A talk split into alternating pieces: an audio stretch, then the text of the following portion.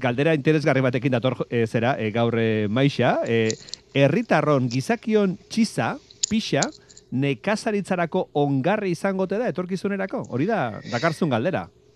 Bai, kontua da gizakion txiza e, altxor e, txiki bat dela, eta beno, ba, nature aldizkarian... E, gizakion txiza e, altxor txiki bat da. Bai, bai, eta e, eta bagenekien edo basekiten, baina, bueno, ez erabiltzen ez den altxor txiki bat da.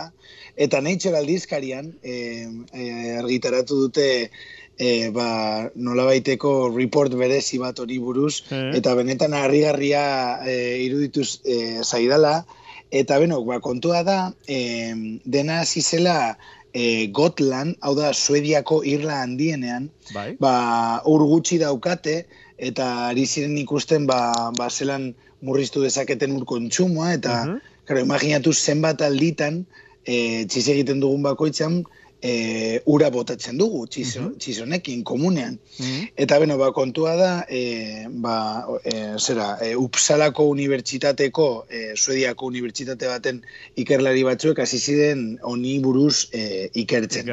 Eta topatu dute, elikagai e, asko, nutriente asko, mm. e, txizean, ba, genekin ba, nitrogenoa dagoela, fosforo, e, potasio eta bar, eta topatu dutena izan da, ondo tratatuta, ongarri e, bezala erabili daitekeela nekazaritzan, edo elikagai bezala prozesu industrial batzuetan ere bai.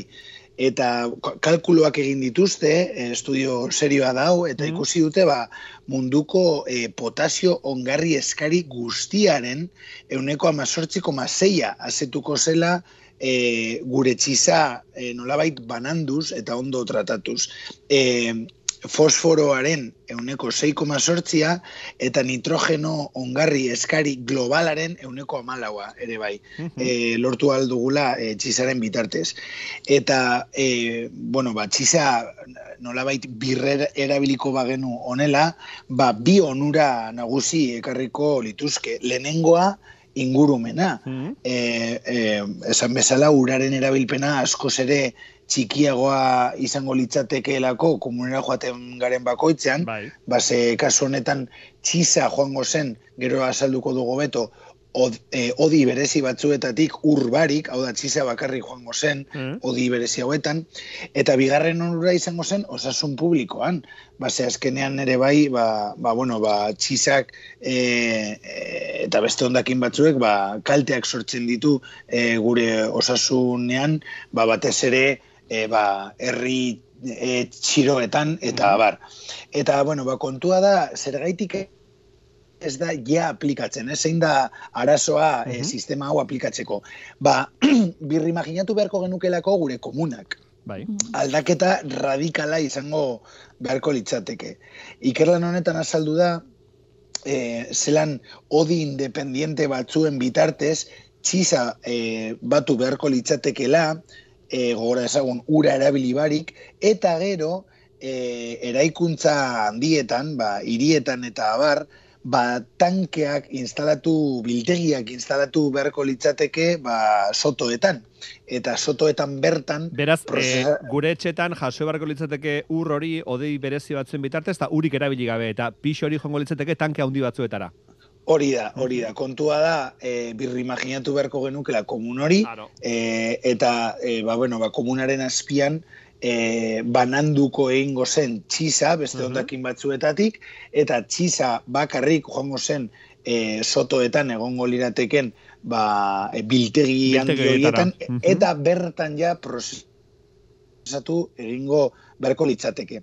Eta gero, ba, prozesu fiziko eta kimiko oso simple batzuen bitartez, e, ba, nutriente hoiek atera daitezke, batu eta transportatu e, beste produktu batzuk e, egiteko. Mm Zuzenean esate baterako ba, nekazaritzan erabili daiteke ongarri bezala, eta ikerlan honetan ere bai azaldu dira ba, beste e, produktu batzuk ba, hainbat e, prozesu industrialetan erabiltzeko. E, e, unibertsitate honek egin du spin-off bat, startup bat egin du, eta, bueno, ba, e, sanitation ir, e, deitu egin dute, e, startup hau, eta ja batu egin dituzte, irurogeita mar mila litro e, eta probatu egin dute jadanik eta ja interesa piztu egin da beste ikerlari batzuek ba, estatu batuetan, Australian, Suitzan, baita ere Afrikan, Ego Afrikan eta Etiopian. Bai. Etiopian arazo hau eh, handiagoa delako Europan baino, eh, eta gainera eh, leku askotan lehenengo biderre ez, eh, instalatu beharko balira eh, komunak, ba, errazago izango litzateke komuna guztiak aldatu ez ezik, eta, eh, eta bueno, ba, kontua da, incluso eh, Europako es, espazio agentziak ja jarri dituela be- eh, Pariseko, Parisen dituen eh, ba, ba, sedean, Bai. ja larogei, eh, larogei eh, komun berezi hauek instalatu egin ditu Europako espazio Ah, agentzia. ja, horrelako komuna Eh, jarreta daude, eh? Eh, Zera, pixa jasotzeko urik erabiltzen ez duten komunak? Bai, bai.